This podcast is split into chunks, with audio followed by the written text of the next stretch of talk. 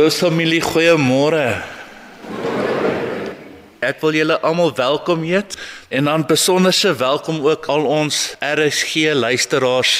Ek hoop julle ervaar die liefde en die vrede van ons wonderbaarlike God. Wanneer ek opkyk na die naghemel en ek sien die werke van die vingers, die maan en sterre wat U in hulle plekke geplaas het, wat is die mens dat U aan hom dan dink? Die mensdom dat U vir hulle omgee. Geliefdes, hy is lief vir jou. Daarom wil ek julle elkeen groet in die wonderlike naam van die drie enige God, die Vader, Seun en Heilige Gees. Mag sy genade en mag sy vrede saam met julle wees en bly.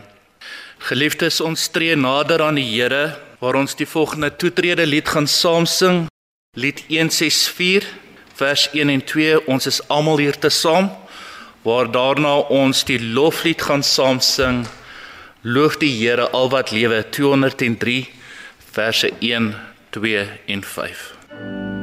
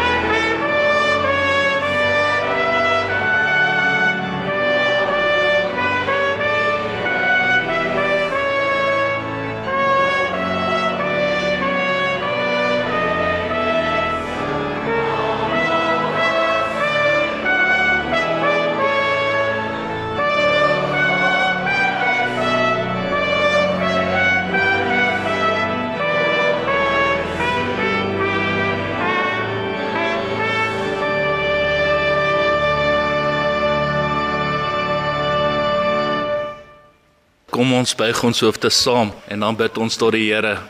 Wonderbaarlike koning Here, hoe wonderlik is dit vir ons om U naam te kan loof en prys. Om te erken Here dat U God is en in ons harte bewus te word van die feit en die waarheid Here dat U onbeskryflik groot is. Here in 'n wêreld waar ons self gekonfronteer word met reëse, met probleme wat soms soos berge voor ons sit weet ons Here en ons vertrou dat U Here God hierdie probleme ver oortref. Lei ons dus daarom Here in die waarheid, lei ons in die lig sodat ons nie meer in die duisternis lewe nie, ook nie in vrees nie, maar in die heerlikheid van God. In die oorwinning Here wat U vir ons moontlik gemaak het onder die skaduwee van die kruis. In Jesus naam. Amen. Geliefdes, ons skriflesing vandag kom voor in die boek Job, hoofstuk 42 waar ons saam gaan lees die eerste 6 verse van die hoofstuk. Ons gaan dit lees aan die hand van ons tema om God te sien. En julle sal sien dat Job hierdie woorde eintlik herhaal in ons skrifgedeelte vandag. En ek lees graag vir julle hierdie gedeelte voor. Daarna het Job vir die Here gesê: "Nou weet ek dat U tot alles in staat is en dat U kan uitvoer wat U besluit." Wie is dit wat u bedoelinge wou dwarsboom sonder dat hy die insig gehad het? Ek het oor dinge gepraat wat ek nie begryp het nie. U wonderdade was te groot vir my. Ek het dit nie verstaan nie. U het mos gesê luister terwyl ek praat. Ek sal vra antwoord jy my. Tot nou toe het ek net gehoor wat mense van u sê, maar nou het ek u self gesien. En nou verag ek myself En nou sit ek vol berou in sak en as. Tot sover ons skriflesing. Geliefdes, die boek Job is 'n interessante boek wat ek glo 'n warrelwind van emosies in 'n mens kan opwek. Want partykeer sien jy jou eie lewe raak in Job, jou eie emosies, jou eie worstelinge sien jy raak in Job. Hier lees ons nou van 'n konklusie wat Job gemaak het na aanleiding van 'n gesprek wat hy met God gehad het, maar om te verstaan hoe Job by hierdie konklusie gekom het, hoe hy tot hierdie groot waarheid gekom het, moet 'n mens tog 'n bietjie teruggaan en gaan kyk wat in die boek van Job gebeur. Nou in die Bybel word Job beskryf as die ideale man. Hy's Godvreesend, hy is vroom, Hy's geseën met 'n groot rykdom, hy's 'n man van status. Selfs daar aan die begin van die boek van Job, wanneer ons op hierdie toneel kom waar God in die hemel sit, dan spog God eintlik oor Job en hy sê daar is geen mens soos Job nie. En in hierdie selfde toneel verskyn dan die Satan. En die Satan betwyfel Job se liefde aan God. Hy redeneer dat Job net God liefhet omdat dit alles net goed gaan met Job. Hy is ryk, hy het status, hy het 'n familie, dit gaan net goed met Job en dit is hoekom Job vir God liefhet. Vat dit weg en dan sal Job nie meer lief wees vir God nie. En dan gebeur hierdie interessante ding dat God Satan toelaat om Job te tref met teëspoed. Die Satan mag alles van Job af wegvat behalwe sy lewe. En op een dag verloor Job alles. Hy verloor sy rykdom. Hy verloor sy status.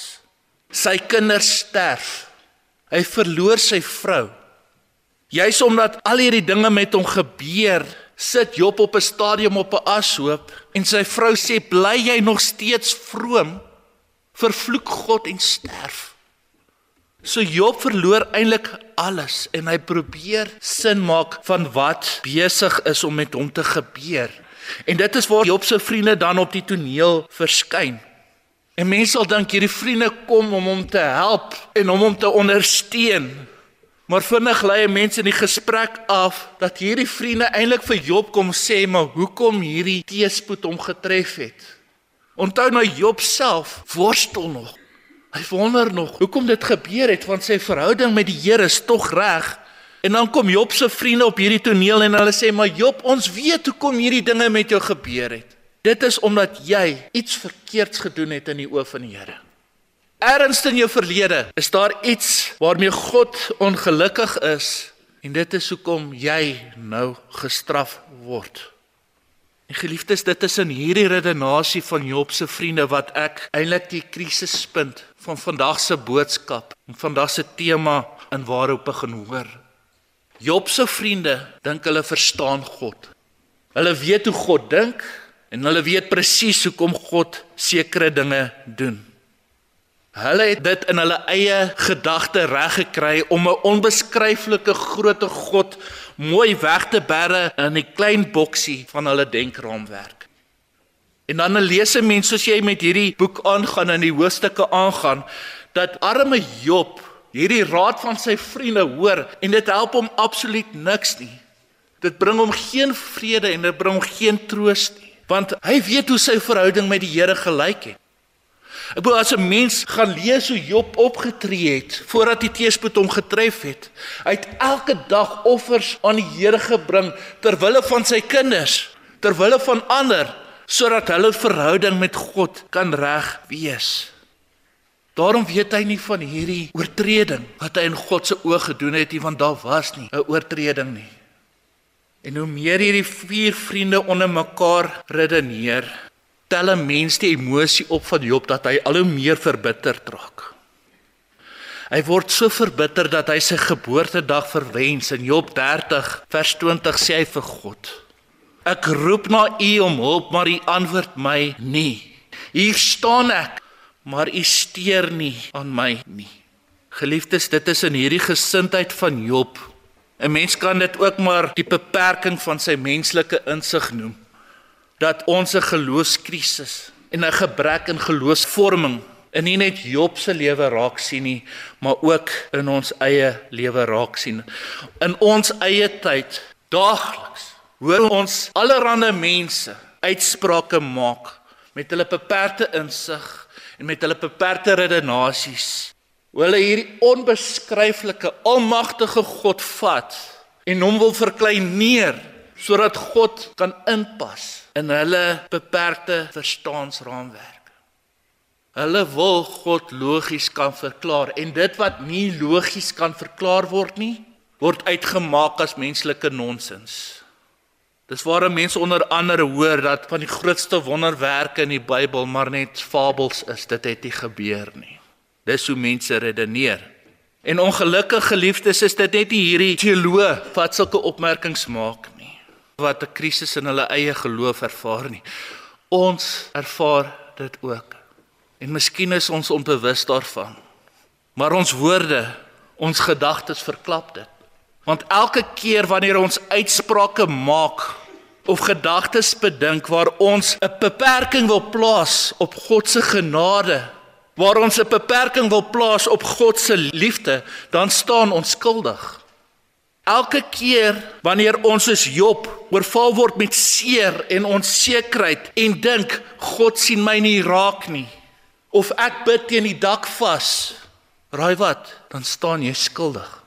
Elke keer wanneer ons God wil beperk tot ons verstaansraamwerk, ons manier van dink, ons manier van doen vir ons eie gerieflikheidsonthaalwe, dan staan ons skuldig. En geliefdes, Ek dink nie dit is nodig vir my om dit te sê dat 'n mens hierdie tipe gedagtes elke dag sien en hoor in ons land nie. Daarom is hierdie vier laaste hoofstukke van Job vir my nie net die mooiste hoofstukke van die boek Job nie, maar dit is vir my die mees relevantste hoofstukke vir ons in ons huidige situasie vandag. Want in hoofstuk 38 Die eerste van hierdie laaste 4 hoofstukke van die boek Job betree God self dan hierdie debat. En jy kan gerus hierdie aangrypende gedeelte Job 38 tot 42 by die huis gaan lees. Maar God betree self hierdie debat. En dan gaan ek gou-gou die eerste 5 verse vir julle lees hierso.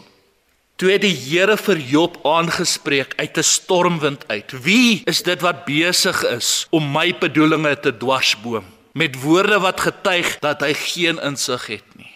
Maak jou reg vir die stryd.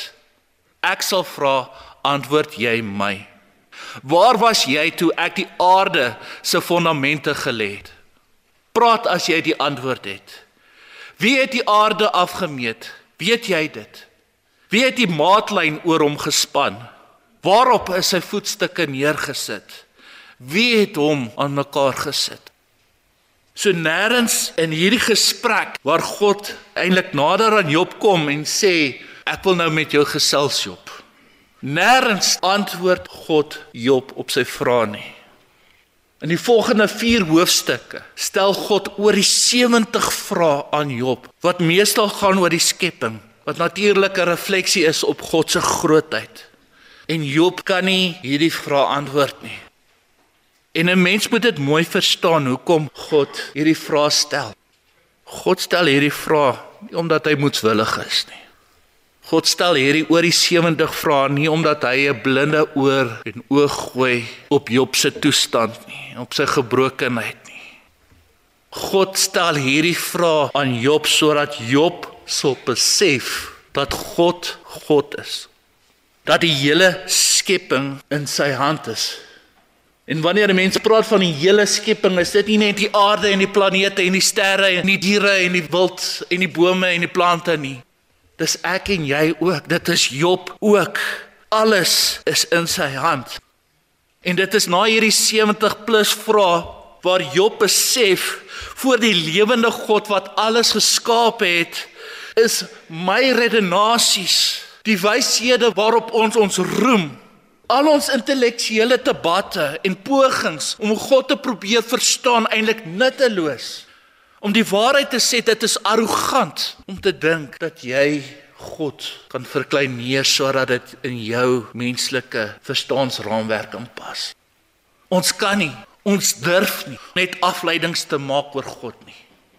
Sy grootheid is te ver bo ons begrip. Voor sy grootheid en heerlikheid besef Job geliefdes en waar ons ook tot die bewuswording moet kom, kan ek en jy net buig in aanbidding. En dan is dit ongelooflik om te sien wat gebeur in hierdie gesprek van God met Job. Dat voor hierdie 70 plus vra Job arrogant genoeg is om te sê Here, U sien my nie raak nie. U hoor my nie. En dan na hierdie 70 plus vra, is Job eintlik 'n totale anderste persoon. Uiteindelik erken hy dat soos sy vriende, die vriende wat vir hom kom beskuldig het daarvan om eintlik te sê Job, jy moes ietsie verkeerds gedoen het in die oë van die Here. Soos sy vriende het hy net gepraat, maar hy het nie gesien nie. Met ander woorde in sy lyding deur hierdie worsteling, hierdie strydsgesprek wat Job gehad het met homself en met sy vriende en waar hy in sy gebrokenheid ook na God toe wou gegaan het, het hy hierdie persoonlike ontmoeting met God gehad. Soveel sodat Job hierso in ons skrifgedeelte sê, maar nou het ek U Here gesien. Nou ek en jy geliefdes kan baie sê oor ons tyd in Suid-Afrika vandag. En ek kan jou waarborg, meeste van daai gesprekke is negatief. Ek kan jou waarborg, meeste van daai gesprekke is hopeloos. Meeste van daai gesprekke is gevul met frustrasie, gevul met ellende en die gebrokenheid wat ons rondom ons sien. Soveel so dat ons al gesê het daar is nie hoop vir hierdie land nie. Soveel so dat mense al gesê het ons bid maar teen die dak vas. Soveel so dat mense gesê het God sien ons nie raak nie. Geliefdes, vir sulke mense wil ek sê jy aanbid aan die verkeerde God. Want aan die godsbeeld wat jy dra, wat veroorsaak dat jy dink daar is nie hoop vir hierdie land nie. Dat gebrokenheid nie herstel kan word of jy dink en die afleiding wil maak dat God jou nie kan sien of hoor nie. So God is nie die God wat in die Bybel beskryf word nie. Daarom sê ek aanbid jy een of ander afgod in jou lewe. Want die ware God gee hoop. Die ware God herstel gebrokenheid. Die ware God sien en hoor jou. Vat julle terug na Psalm 8. Wat is die mens dat u aan hom dink? Matteus 10 vers 30 elke haar op jou hoof is getel. Hoe durf jy dan dink God sien jou nie raak nie? Daar is nie hoop nie. Die gebrokenheid kan nie herstel word nie. Hoor my hart mooi asseblief geliefdes, ek sê nie ek sê nie ons mag nie worstel nie. Ek sê nie dat daar oomblikke kom in ons lewens waar ons nie mag in vertwyfeling wees nie. Jy's omdat ons partykeer 'n verkeerde godsbeeld het. Al wat ek sê is dat in ons worsteling ons nie net eenvoudige afleidings moet maak van 'n onbeskryflike grootte God nie. Jy's in ons worsteling moet ons dan bly glo. Jy's in ons worsteling moet ons vashou in ons geloof. Jy's in ons worsteling moet ons soekend wees in ons geloof. Soveel sodat ons God kan sien in ons wêreld. Om sy werke te sien en dan om te besef dat ek en jy deel is van sy werke. Want dit is juis in sy worsteling met God nadat hy God aangekla het dat Job genesing vind. Dat hy hierdie transformasie in sy eie hart beleef maar nog meer waar hy besef dat voordat hierdie dinge gebeur het hy 'n ander beeld van God gehad het wat nie noodwendig reg was nie. Maar toe God betree in hierdie gesprek en hom bewus maak van sy grootheid en sy mag en krag dit is juist toe dat Job besef het ek kan nie God in hierdie boksie pas van my verstaansraam werk nie Ek kan nie sy gedagtes en sy doene en late logies probeer verklaar nie. Ek kan God werklik nie begryp nie en ek kan vrede vind in daai gedagte. Ek kan vrede vind in die feit dat ek nie altyd antwoorde gaan kry nie. Ek kan vrede vind in die feit dat ek nie altyd gaan kan verstaan nie. Maar ek kan vrede vind om te weet wie God is. Ek kan vrede vind in die waarheid wie God is. Al is hy te groot, te onbeskryflik vir my om te verstaan. Ons lewe in 'n tyd waarin daar soveel dinge is wat dalk nie vir ons sin maak nie. Soveel dinge wat ons ervaar dat ons soos Job later maar vra wanneer gaan dinge beter raak? Of hoekom het hierdie dinge gebeur of waar is God in dit alles? As Job se verhaal ons enigiets wys, is dit dat wanneer ons ons ontsteltenis, ons moegheid, ons moedeloosheid, ons seer, ons onsekerheid, ons vra wanneer ons dit alles na die Here toe bring, ons 'n ruimte betree waar God ons onverwags en ja dalk ook op 'n baie verrassende manier gaan ontmoet. Waar hy ons lewe gaan binnetree en ons oë ook kan oopmaak om hom te sien. Vir wie hy is. Vir wie God is. En dan verseker geliefdes gaan ek en jy dan saam met Job kan uitroep. Tot nou toe het ek net gehoor wat mense van u sê maar nou het ek u self gesien mag dit so wees in elkeen van ons se lewens amen kom ons bid saam Almagtige koning, Here, dankie vir u woord. Dankie Here vir die Heilige Gees wat ons kom aanraak het om u woord beter te verstaan. Dankie Here dat ons in die skepping kan sien hoe onbeskryflik groot u is. En dat ons dan soos die psalmdigter kan vra, maar wat is dan die mens dat u aan hom dink? Dat u Here na ons omsien? dat u Here ons so lief gehad het dat u u enige gebore seun vir ons gegee het. Wat is die mens dan dat u so ons liefhet? Dan staan ek skuldig voor die Here. Dan vra ek vir vergifnis.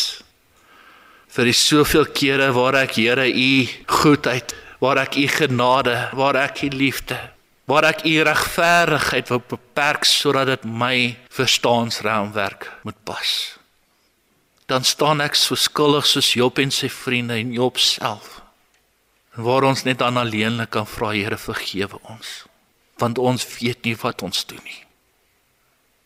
Lei ons asseblief Here dan in die gees, lei ons in die waarheid. Lei ons in die woord.